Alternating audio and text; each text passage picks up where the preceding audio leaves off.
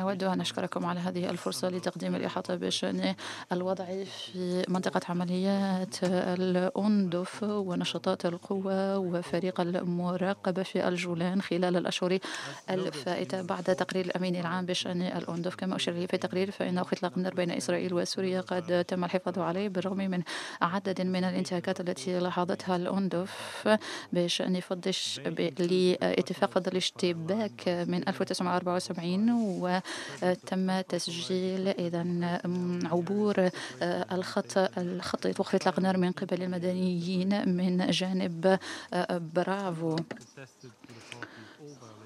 وإن الأندف قد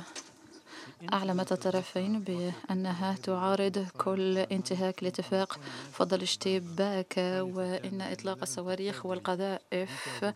آه، في التاسع والعشرين من نوفمبر والعشرين من يناير والحادي عشر من فبراير والتي وردت تفاصيلها في تقرير الأمين العام إنما تشهد على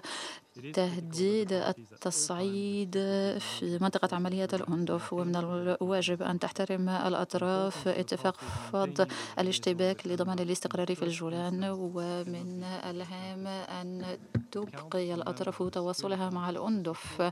ونعول على أعضاء مجلس الأمن بغية دعم الجهود المبذولة والدفع بالأطراف المعنية إلى الأخذ بالحسبان تهديدات التصعيد وضرورة ضمان وقف إطلاق النار بين إسرائيل وسوريا. سيدتي الرئيس اسمحوا لي أن أسترعي انتباهكم. إزاء العودة التدريجية للأندف ومعاودة النشاطات في قطاع برافو منذ آخر إحاطة لي في ديسمبر كانون الأول فإن الأندف قد وصلت دورياتها في الطرق في الشمال وفي آه، وسط مناطق آه، الفصل. ووصلت الأندف أيضا القيام بتقييمات وبحماية دوريات نقاط مراقبة الأمم المتحدة والتي تمت مغادرتها. بما في ذلك؟ آه، إذا الموقعين 85 و 57 في جنوب منطقة الفصل. الفصل كما وقامت الأندف أيضا بمراقبة الموقع 52 في منطقة الفصل وتقدمت الأندف أيضا لمعاودة شغل المواقع التي تمت مغادرتها وكما أن إعادة شغل الموقع 32 قد تمت في 30 من ديسمبر 2018 عبر نشر 35 عسكريا وفي 28 من يناير فإن الأندف قد استرجعت الموقع 37 لمواصلة أعمال الهندسة المتصلة بإعادة إنشاء معاودة إرساء المنشآت والبنى التحتية الأمنية في هذا الموقع وسيتم الانتهاء من الأعمال في أبريل نيسان وبعد إعادة شغل الموقع 37 نعتزم إعادة تأهيل الموقع 27 في منطقة منطقة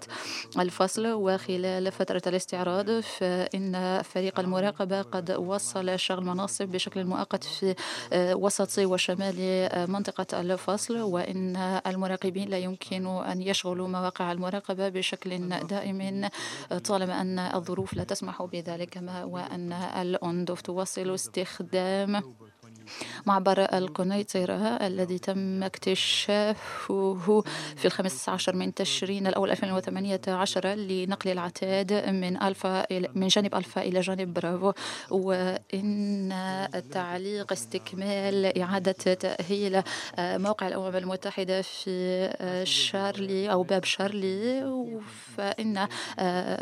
إذا الشرطة عناصر الشرطة والعناصر العسكرية تواصل نشرها في منطقة التقاطع خلال ساعات العمل ومن الضروري إذن أن يتم إرسال بعثة في يوليو تموز من هذه السنة من أجل شغل الموقعين 85 و 68 وأود أن أطمئن أعضاء المجلس والبلدان المساهمة بالقوات بأن إعادة النشر في الجانب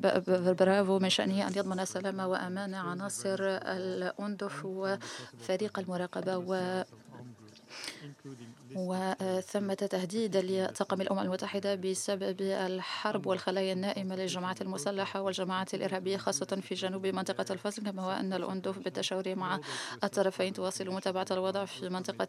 الفصل بغية تقييم تمكين الظروف على أرض الميدان من إعادة شغل المواقع التي تمت مغادرتها في منطقة الفصل كما سنواصل دعم الأندف لتطبيق تدابير التخفيف من التوتر ما في ذلك الإحجام عن القوة.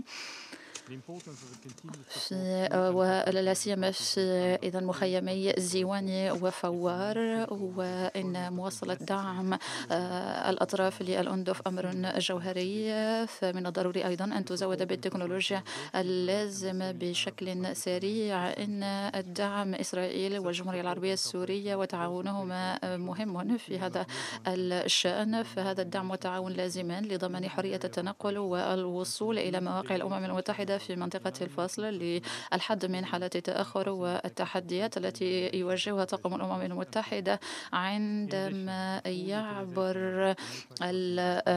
نقاط الوقف أو التفتيش الفنية كما وأن الاستخدام الكامل لمعبر القنيطرة وفقا للمعايير المعمول بها وبدون عوائق إدارية أمر أساسي أيضا بما أن الأندف تعزز من عملياتها في جانب برافو لضمان تنفيذ فعال لولايتها وختاما أود أن أثني على تفاني طاقم الأندف وفريق المراقبة العسكري في الجولان بإشراف اللواء فرانسيس فيب الزنزيري وأشكر أيضا البلدان المساهمة بالقوات وأشكر المجلس الأمن على انتباهه أو الانتباه لهذا الوضع ولدعم الأندف من أجل تلافي التصعيد الإقليمي. وسنواصل التعويل على تعاون المجلس.